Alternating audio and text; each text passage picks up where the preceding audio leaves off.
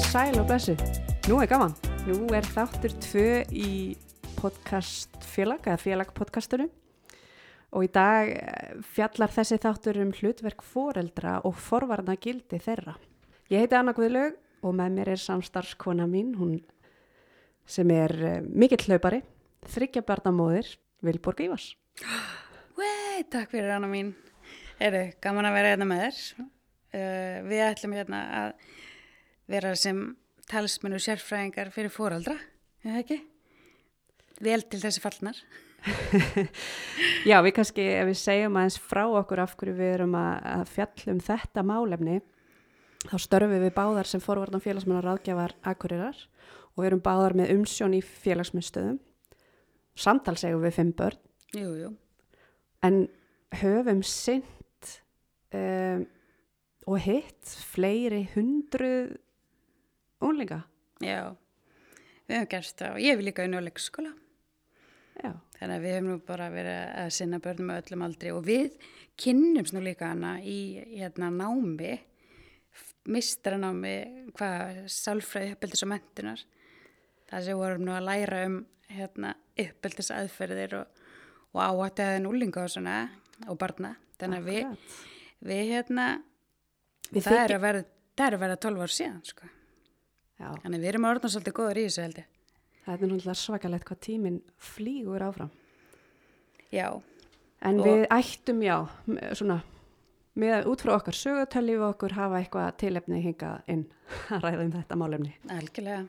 Segðu mig vilja, hvað er svona besta uppeldis ráð sem þú hefur fengið? Heyrðu, um, í rauninni er það mjög einfald ráð og ég fekk það þegar elsta barni mitt, strákur, var fjögur ára gamall.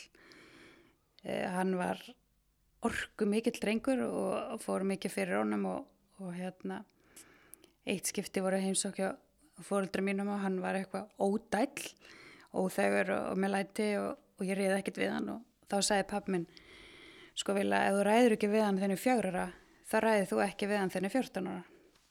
Já, Og þetta, ég, þetta tók svolítið svona, þú veist, þarna leiti ég aðeins í eigin barm og, og tók þennan dreng svolítið fastari tökum og hef alltaf hugsað þetta að þegar þau vaksa úr grassi svona og verða úlingar, þá er eiginlega eins gott að maður hafi einhver ítök og þau hlusti eitthvað á mann. já, það er nefnilega mikið til í þessu. Já, ég held að þetta sé bestir á þessu ég hef fengið. Ég er bara mjög þakklátt fyrir þetta. En Það er nefnilega ekki alltaf auðvelt að vera fóreldri. Það er eiginlega bara óbáslega erfitt. það er svo erfitt. Ég man þetta, ég hérna ákvaða að eignast barn að, að þá hugsa ég sko, ég var 23 kringu það. Þau sagði, ég er búin að passa börn sem ég var bara krakki, ég, það verður ekkert mál. Og ég hefði rangt fyrir mér. Já. Erstu sammála því? Er, Já, ég, einmitt, ég reyndar uh, fyrir töluvert setna á stað um, í þetta hlutverkaldur en þú. Uh, og ég man alveg að þú hérna í okkar námi þá þurftum við svolítið að, velta fyrir okkur uh, uppeldisleiðum og aðförðum og svona og inngripum. Og þú gast svolítið kannski skoða bara hvern, hvernig þú varst að gera á þínu heimili meðan að ég þurfti meira að horfa bara á mína æsku. En en er sem sagt búin að læra svona mikið um uppeldi uh, í sálfræði grunninn og svo þetta, þetta meira nám. Og svo eignast ég börn og það ég taldi mig hafa ábáslega góðan grunn í það að verða foreldri og, og ábáslega mikla þekkingu sem ég vissulega hef en það undirbýr mann ekkert fyrir það að verða foreldri held ég. Nei, ég held það nefnilega ekki. Og ég tel mig alveg sjálfa að hafa alveg stuð fyrir svolítið gott atleti og hef stuðning frá fjölskyldu. En að stundum sko ég get ekki ímynda mér hvernig er að hafa ekki gott bakland sko þegar maður er með börn. Akkurat. Og ekki sko bara upp á pössun heldur bara að við lærum af því sem fyrir okkur haft.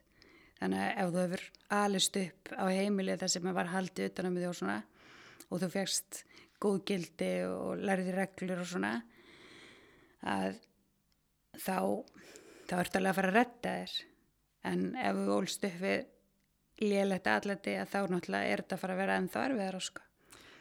Stuðningurinn er óbúslega mikilvægur. En við getum líka sótt stuðning við það, það er kannski ekki bara uh, hvað við tökum með okkur úr okkar uppöldi, heldur hverja við höfum svona í kringum okkur, hvert við getum sótt stuðningin. Já og svo getum við nefnilega líka eins og ég kom stað þegar við vorum kynnturst þarna í þessu námi að það eru bara til rannsóknir og, og leiðir til sem eru æskilegur en aðrar til að ala upp börn. Já, getur þið sagt okkur aðeins meira frá þessum? Já, ég nefnilega af því þarna þegar við erum hérna 2009 þá eru mín börn já þrjú í dag og, og hérna ég átti tvö þarna og þau voru þryggja og fimm ára cirka og þarna var ég í fyrsta skipti að heyra af þessum viðurkendu uppeldis aðferðum eða leiðum uppeldis hættu sem þættu bet ákjósanleir og ég bara var svolítið hissa einhvern veginn að ég hefði aldrei heyrst þetta áður. Þú veist, ég hefði alveg viljað heyra af þessu áður. Og þetta eru kenningar díunu bámrind frá 1971 þannig að þetta er ekkert nýtt á náli Nei, sko. þetta er akkurat, þetta er bara og þetta er ennþá verið að stiðast við þetta í dag því að þetta bara stendur fyrir sínu og þessa leiðir eru þá hérna, leiðandi uppeldisættir skipandi uppeldisættir eftirlátis uppeldisættir og svo afskiptalösir Það skal nú kannski alveg samt taka það fram að það er enginn sem er aðeins í einum af þessum flokkum, þú blandar þínu uppeldi svolítið saman. En við erum það hefur rosalega mikið breyst í uppeldi barna bara síðustu 50 árum og fyrir 50 árum að þú ætlaði að leita þér eitthvað uppeldisbók bara í bókabúði og bókasafni þá var ekki mikið að fá það var kannski einn núna ferðu á í bókabúði og bókasafni og þú það eru svo marga stefnir og margar aðferðir að þú alveg bara Já, veist ekki hvert þú ætlar að fara sko. Það eru skilabúður öllum áttum. Já og mér eiginlega svolítið svona skondið að veist, það eru sjö skólarinn að akkuriri og það er ekki engin einn agastefna, þú veist það eru nokkrar. Já, það er, já og svo eru skilabúðin að fóreldra að skoða og, og velja svona eftir hvað hendar þeim. Já, já og svo náttúrulega líka hendar ekkert, það er engin einn leið sem hendar öllum börnum heldur, Nei. þau eru alveg ólík líka sko. Það getur þú sagt okkur aðeins frá hverju, hverju mænum um, uppeldsætti? Herru, leiðandi uppeldsættir, það er eins og ég sé ákjörs og það eru svona þeir foreldrar sem sína börnum sínum mikla hlýju, hvetja þau áfram í öllum verkefnum og, og, og hérna, hugsunum en hafa sömulegð skýra reglur og börnin þeirra vita þá til hvers er ætlast af þeim og í rauninni sko skiljaðu reglunar. Það eru útskýrða fyrir þeim af hverju þessi regla er, börnin sætta sig við hana af því þau fengu að koma aðinni jafnvel og þau eru börn leiðandi fóruldra, eru oft vingjartlegri en önnur börn og eiga auðveldra með umgangast aðra. Þau geta sett sjálfum sér mörg í samskiptu við aðra sem er mjög mikilvægt. Uh, síðan erum við með skipandi fóröldra.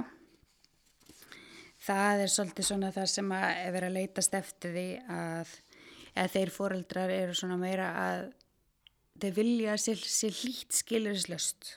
Já, án útskýringa. Já, bara ég segi og, og svona er reglan punktur og basta þú hlýðir því og ef þú hlýðir því ekki þá eru vera refsingar sem barni skilur ekki heldur og nú á ég líka hund fekk mér fyrir árið síðan og ég finnst það, það líkir svolítið því já, ég segi bara inn, út, niður, upp og, og þú veist einfaldar skipanir. Já, þú ætti bara að gera það sem ég segi án þess að hérna, neitt sé rætt um það meir. En hvaða áhrif hefur það á barnið? Þau börn þessara fóröldra eru vansætli, þau eiga meira hættu á áhættu en þau eru orðin eldri af því að þau kunna ekki sjálfa setja sér mörg, þeim hafa bara verið sett mörg. Þau eru oft tortryggin, ósjálfstæð og eiga erfitt með að trista öðrum. Þetta hefur nefnilega talað sér áhrif á framtíðar samskipti þeirra við aðra. Þegar þau eiga líka til að vaða svolítið yfir aðra og eru þá sömulegð skipandi við félaga sína. Að því að framkoma okkar sem foreldrar er alltaf að hafa áhrif á börnin og þeirra framkomi. og endur speklar hann alveg skuggalega mikið Já. og það er líka svolítið skemmtilegt sko af því ég myndist að mitt að ég er að vinna leikskóla að þú heyrir í leik barna þá heyrir mjög oft hvernig ég tala við þau heima þú veist, þau eru í dúkku og svona og þá kemur alveg, þú veist, ástu mín, nú ertu að fara að sofa þú veist, og þau endur taka enduróma það sem sagt er heima Einmitt. Síðan erum við með eftirláta fóreldra. Þeir sína börnu sínum mikla hlýju. Þegar bara kæfa þau í rósi og hlýju, hlýju og umbyrðalendi upp að því markja þau eru eiginlega afskiptalus. Þeirra börn gera fátt ránt. Þau eiginlega vaða uppi, eru algjörlega hömlaus. Þá fátt rámt að mati fóreldra. Já, já, að mati fóreldra og hérna þau fá svolítið að vaða upp og fóreldrar leitast við að láta allar þeirra væntingar og óskir verða veruleika. Hér eru við kannski að tala um fóreldra sem að hérna, eru jafnvel eins og stundum talað um að kaupa börnin sín út af saminskupiti, eitthvað svoleiðis. Já, já. Einmitt. Þetta er svona, þetta, þú veist, þú gerir allt fyrir þau, hjálpar þau með allt. Þau eiga allt. Já, maður þekkir alveg þessa krakka og maður getur alveg séð alla þessa krakka fyrir sér, bara í starfinu. Maður getur stundu giska jável á hvað uppeldi sem er að fá. Og það er alveg talað um það eins og skipandi uppeldisættir sem eru þá svona, þeir eiga meira við í hættulegu umhverfi og börn sem alast upp í hættulegu umhverfi, þau sætta sig við svona skipandi uppeldi af því að þau vita að það er þeim til björgar. En þegar við búum í svona svolítið velferðarsamfélagi eins og við erum í, að þá, þá verður uppreysnin gegn þessu uppeldi þegar úlingsaldri komin, þeim mun meiri. Uh, síðan erum við afskiptalösi fóröldrina og það, þar erum við með svona eiginlega bara algjörða vannrækslu. Það er lítil tilfinningadengsl, það er, það er svo sem við erum að sjá oft um sko, hérna, mat og fæði og hreinleiti. Svona lágmarks Já, það eru lágmarkstarfir uh, og lítið um svona umhyggjubeint og aðstöð í námi og, og þau börn eru oft bara já, þegar ég hafa það bara almennt ekki gott og þyrfti hjálp og við þurfum öll að vera vakandi fyrir þessum þáttum. En hvernig áttum við á- okkur á því, við sem fóreldrar, hvort við erum eh, að vera leiðandi eða jafnvel orðin eftirlát? Og hvað er, að því þú sagðir áðan að- að flestir flakka á milli flokka, hvað, hversu mikið erum við að gera það og hvað telst eðlilegt? Sko, hvað telst eðlilegt? Ég vona við séum flesti leiðandi af því að það er æskilegast. Þannig að við ættum að leitast við að vera þar. E, skipandi er eðlilegt þegar barni til dæmis er að gera eitthvað sem er mögulega hættulegt eða þú sérð það er út og gutt eða skilur þú breggstundu við í svona reyð eða veist það kemur út sem reyði hjá barninu en maður er bara rættur um það sko. Uh, og svo líka þá verðum við að vissuleiti að vera hérna leifa þeim að spreita sér sjálf.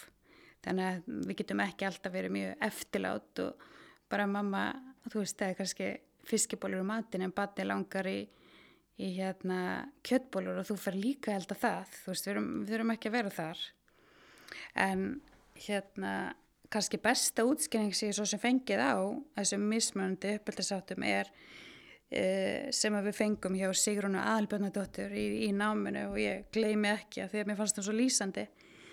Það er bara að ímynda sér hérna foreldri með barn í strætó. Barnið er hérna í strætó í fyrsta skipti og barnið sér rauða takkan sem stendur stoppa og það er náttúrulega bara mjög fristandi hver vill ekki hver hefur ekki eitthvað hort á brunanbúða bara í skólabyggingunum sinni og bara hvað gerist ef ég íta á Já, já, þetta næstu því gargar á manna í þetta. þetta gerir það.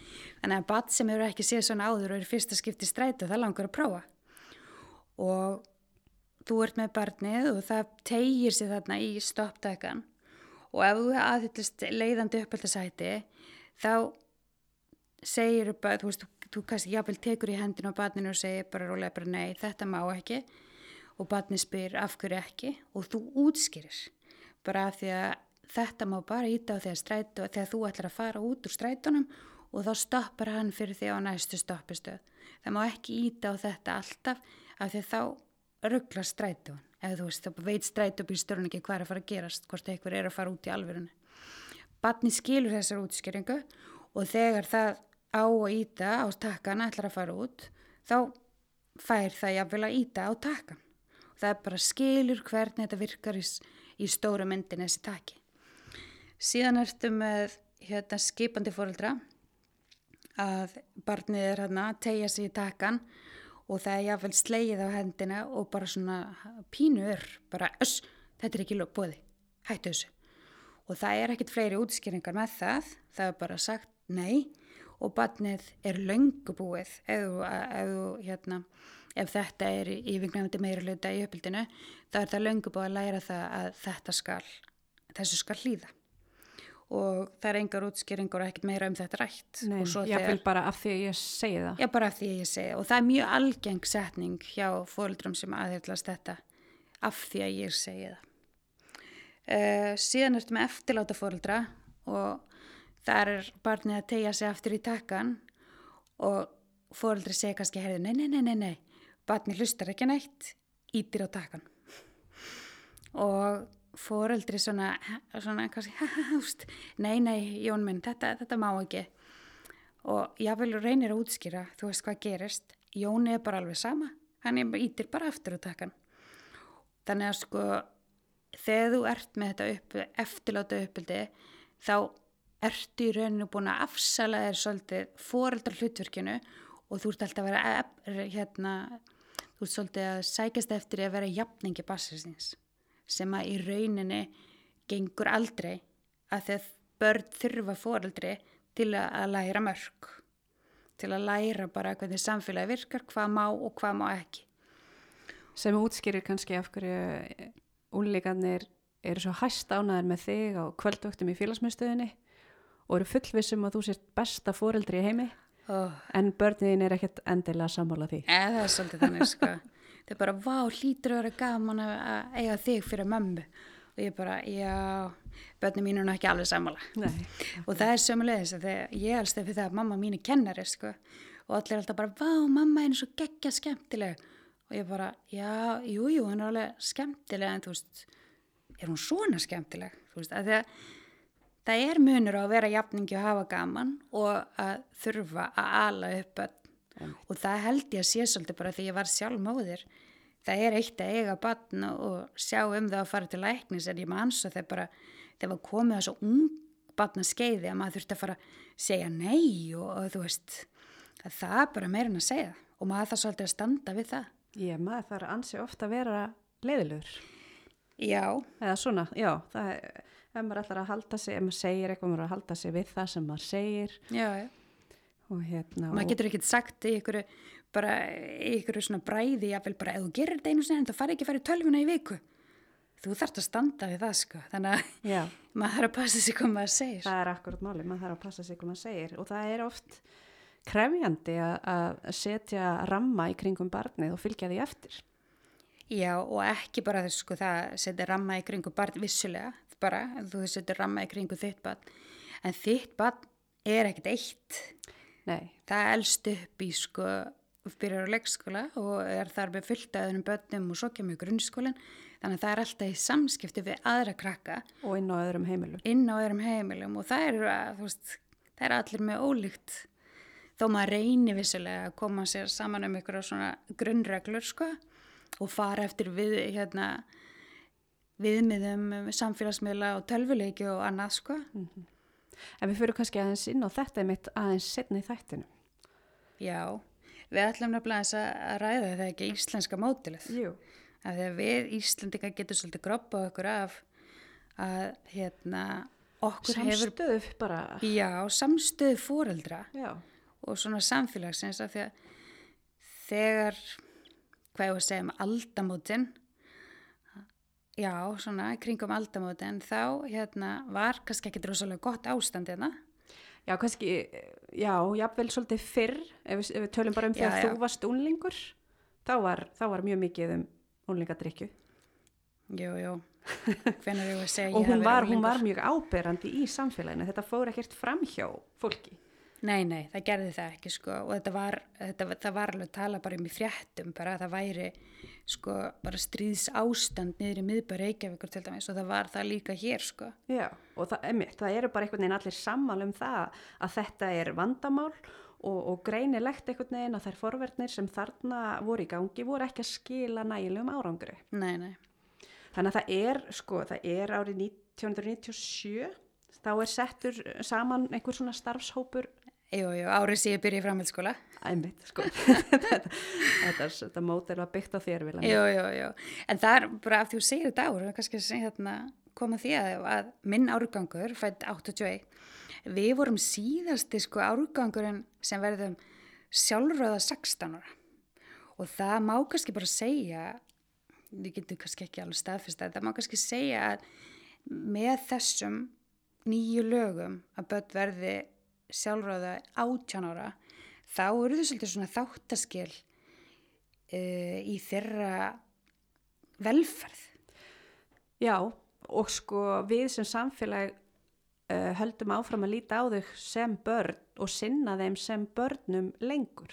Já, En þessi starfshópur sem sagt var bara, þetta var hópur fagmanna sem að, sem að kemur saman og fyrir að þess að skoða þetta og, og rannsaka hvað er málið og hvað getum við gert. Get, er, er eitthvað sem við getum gert til þess að snúa við þessari þróun? Og niðurstaðan er sem sagt þetta forvartan líkan sem hefur verið kallað íslenska mótilið. og við bara ættum öll að vera svolítið stolt af. Það er algjörlega þannig að því að við sjáum það nú bara að, að önnur aðrar þjóðir hafa verið að horfa til okkar og, og, og veld eh, vöngum yfir hvernig ósköpunum snérum við þessu svona við, hvernig, hvernig tókst okkur þetta. Og hverja voru svo helstu ástæðunar fyrir að þetta tók svona vel til? Uh, Eitt orð? samstað. Já, eða ekki? Jú, það er akkurat það ég já. segi. Ég held, að, ég held að það sé besta orði til að lýsa því sem þarna átti sér stað. Mm Uh, mótelið sem snýst um það að ná til og virkja aðila í þessu nær umhverfi barnana. Það er að segja foreldrar, skólar, íþróttafélög, félagsmiðstöðar og bara allt er, er við kemur börnum og, og hérna uh, og vinna svona að hagsmunum barna. Þeir tæki bara saman höndum til að stöðla því að börn og ungmenni færa að nota tíman sinn á uppbyggilegan hátt Einmitt. Í þeim tilgangi að draga úr áfengis og vímefna notkun. Mhm. Og þarna var náttúrulega ótrúlega sterk sko hugarfarsbreyting fóreldra uh, varðandi uppeldi. Af því að, að það sem kannski var að gerast þarna, svolítið fyrir aldamátt, var að, að einmitt að því að við 16 ára aldur var stjórðin sjálfráða og fóreldrar voru bara farin að sleppa svolítið sko beislinn á börnunum og hætta að spá eins mikið í hvar það er, með hverjum er það, hvað er það að gera. Ég meina í rauninni ef að lögin segja að barnið þitt maður ráður sér sjálft eða 16 ára, þá er það svo erfið sko að segja En á drikkjan var nú kannski byrjuð svolítið fyrir 16 ára Já, aldur, já, þannig að þetta hefur svona, þetta er að nálgast það, þú ert að verða fullorinn, ég er aðeins að fara að sleppa þér, skilur svona, en þarna verður þessi bara hugafarsbreyting, bara ok, við ætlum bara að passa þessi börn okkar aðeins betur, við ætlum bara að vita meira hvað þau eru að gera, við ætlum að íta undir það að þau taki þátt í uppbyggilegu hérna, starfi utan skóla. og líka kannski bara meiri upplýsingaflæði til foreldra um sko áhrif áfengis og vímefna á heilastarfsemina af því heilin er sko að þroskast til 25 ára að þú ert að neyta mikill að vímefna fyrir þann tíma að þá getur það bara haft varanleg skadalega áhrif Já. Þannig að það var alls konar svona upplýsingu sem var dælt til foreldra og það var bara sóst eftir samstöðu og þá kannski líka er auðveldara að sko svara úlningniðinum þegar hann er allir að segja sko allir meiga Akkurat. að þá er bara nei við foreldrarnir erum búin að ákveða Og það akkurat skiptir máli að foreldrar í, bæði þá og í dag þóri þessu, þóri að bara ringja í næsta foreldri. Um, ég var að frétta það hjá mínu barni að það er hérna, einhver svona gistikvöld eða eitthvað svolítið og bara taka spjallið.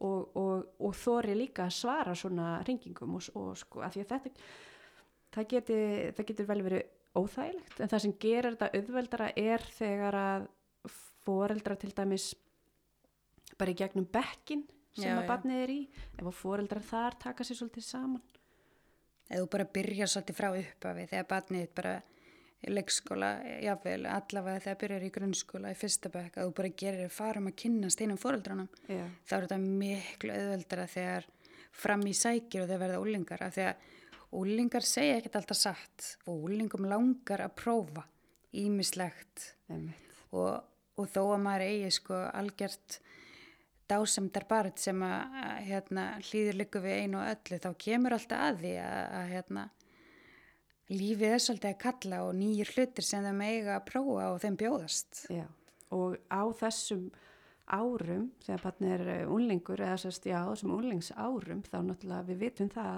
að, jafningjar eða jafnaldrar er að hafa miklu meiri áhrif á þau á þessum tímapunkti heldur en heldur en kannski for, foreldrarnir sko. Já, Þau og kalla, það- Og það er það sko, en þá þarf maður nú, ég, ég, ég læri ég mjög svo glöð því ég heyri það í náminu, að þá þarf maður samt bara að muna það að sko, manni líður stundum eins og maður hafi mist stúlingin sinn.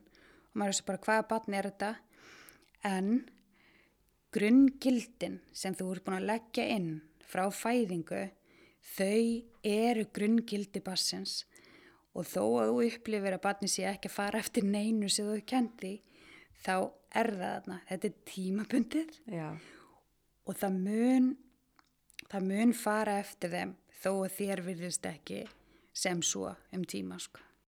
já, þó að samskiptin heima fyrir sig kannski ekkert endilega frábær að þá um, út frá þeim gildum sem við höfum kent og, og verið svona þessir leiðandi foreldrar að þá, að þá er alveg líkur á því að, að barni sé að eiga frábær samskipti við alla aðra. Já, já, við verðum bara að trista því að maður er gert rétt og það er kannski svona stundum með því erfiðar við fyrir uppeldisluturki að sko, þú sérð ekki ávustin strax. þú ert alltaf að leggin og leggin og leggin og svo þegar þú komið fullar en einstakling sem getur tekið þátt í samfélaginu þá ertu svona, yes, ég gerði vel. Já, já, þá getur þú klappaður á baki. Já, En herri, já, það er sem sagt, þetta íslenska módel sem að, hva, já, við erum að tala um að starfsópurinn hafa komið saman 97, en það var bara mjög fljótlega að rannsóknir fór að sína það, að, að það væri aldeilis um, ágóði af þessu, að standa saman. að standa saman, já, uh, og við vorum bara einhvern veginn öll í eins, já, þessu nær samfélagi barsins að vinna saman, eiga samskipti og treysta og, og það skilaði sér í því að, að unlingadrykja lækkaði sem sagt, aldur barna sem, eða fólk sem fór að drekka hækkaði Já, já, Og bara- og, já, fór að byrja setna og, og þessi sjáanlega, þess að það var ekkert svona sjáanlegt lengur eins og var. Nei, það er bara alls ekki, það er ekki þessi fullur, fullur miðbærun af druknum úlingum, sko. Sem er náttúrulega algjörlega frábært og börn bara fá að vera börn lengur í dag. Miklu lengur. Þannig í rauninni var þessi samstæða um það að, að það sem að var álitin óæskileg hegðun sem var það vímefnanesla og að hanga svolítið. Það var svona farið það að fylla frítíman. Mm Að það virkar og við höfum bara verið að halda okkur svolítið við það. Og afskipti fóreldra og ég nú segi ég afskipti það að þetta er svona, þú ert að taka þátt í lífi barsins með því að vita hvað er barnið að gera, hvað er það, hvað Já, já. Sem alltaf í rauninu auðveldara núna þegar allir eru komin með síma heldur en þarna. Já, það voru allir bara þarna um, óalandi og ferjandir símalösir og, og, og. Nei, Við mælum samt alltaf með því að þið takið þetta samtal við barnið eða úlingin í staðan fyrir bara að kíkja á, á Snapchat map að döga hvað barnið er. já, já, allan daginn, er ekki að rætti við að bjalla í batni sitt. En svo er það kannski þegar, hérna, þegar maður er komið með úlinga að, hérna, þessi, þessi fína lína, sko. Þú veist, fyrst eru þið leikskóla í, í læstu garði að leika sér og maður lítur valla af þeim. Svo fara þau að fá að lappa til vinnar og, og leika heima hjá öðrum og vera og fara út og róla með vinnum og maður sleppir hendina hægt og rólega. Og svo allt í hennu áður það veist af, þá ertu sko komin með úlinga og þau taka ekki öllu sem sjálfsögum hlut séu og segir. Og það er eðlilegur þáttur í þroskaferðli barna að mótmæla foreldri og koma með eigin hugmyndir um lífið og, og sko þau eru þú kannski elur barnið þetta upp í að, að vera sjálfstæðis manneskja frá uppöldi en svo allt ínum bara vil barnið þetta vera í vinstir grænum. Þú veist, ef við tökum bara, ef við tökum þetta svona bara ólíka afstöð til málefna. Og eins og það er þroskandi og þroskamerkja með þetta sé bara réttri leið í hugrannu þroska þá er það mjög erfitt kannski að standa frammifyrir að hérna þú ert að reyna að setja ykkur við mig og þú ætti að vera kon heim klukkan þetta og bara af hverju en það er nú kannski það góða líka á Íslandi að við erum með útvistarreglunar Já, sem einmitt er, er svolítið að koma þarna líka á söpum tíma á íslenska mótilið og er hluti í rauninni af, af þessari samstöðu. Já, og ég held að þessi mist, já, ég vil bara segja persónulega, mér finnst þessi útífustarreglur bara algjör snelt þó þessi stundum erfitt á hérna haustin þegar hann þá bjart úti og hlýtt og gott og þau að vera komin inn klukkan átta veist, og það er kannski enginn, það er ekki lögga að fara að koma og taka batni og bara heyru klukkan er hálf nýju þú ert að vera að fara inn en þetta er börnum til vendar þannig ef að sko það eru börn á grunnskóla aldrei úti eftir miðnætti að þá er eitthvað bói við það. Við sem samfélag höfum tekið afstöð til þess að það er ekki í lægi og þá er hægt að grýpa til laga, laga ákveða til að taka á því málefni með foreldri og barni. En það er svolítið kannski sem fellir undir þetta sem við höfum flestöld heyrt It takes a village. Já, já. Það segja að það þarf heilt þorp til að ala upp barn og við þurfum við þurfum bara svolítið að vera sammála um það að við erum í þessu saman sem samfélag og við eigum að skipta okkur af öðrum börnum ekki, ekki bara okkar eigin börnum heldur líka bara svona að taka ábyrð á öðrum og, og sko og sama tíma að veita að veita rými til þess að aðrir komi að uppeldi okkar eigin barna Já, já að því að það er okkur kannski hættir við því að taka einhverju persónulega, að móðgast. Ef að batnið okkur hefur gert eitthvað af sér. Ef að einhver að okkar mati er að skipta sér af einhverju sem að kemur honum ekki við. Já, já. En við erum í þessu saman sem samfélag og það eru ákveðin gildi sem að við bara sem samfélagsþegnar erum, viljum við halda og, og og það er allt í lægi að við bara leiðbeinum fólki og bendum á þegar að, þegar að eitthvað er ekki eftir þessum gildum Eins, og þá er ég bara að tala um sko ef við fylgjumst með eða sjáum barn eða unling henda rusli eða bara eitthvað sem er henda rusli, við, ekki, við búum í samfélags þar sem við viljum, við viljum ekki hafa rusli kringum okkur við erum bara að passa upp á náttúruna og og, og fara vel með umhverfi sem við búum í. Já, við þurfum alltaf að vera svolítið samtaka í því að því annars er endið á ruslahau. Eins, eins ef við erum vitnið að bara ofbeldi. Við hefum aldrei að líta bara í hina áttina þó að það sé kannski það sem er einfaldast fyrir okkur að gera.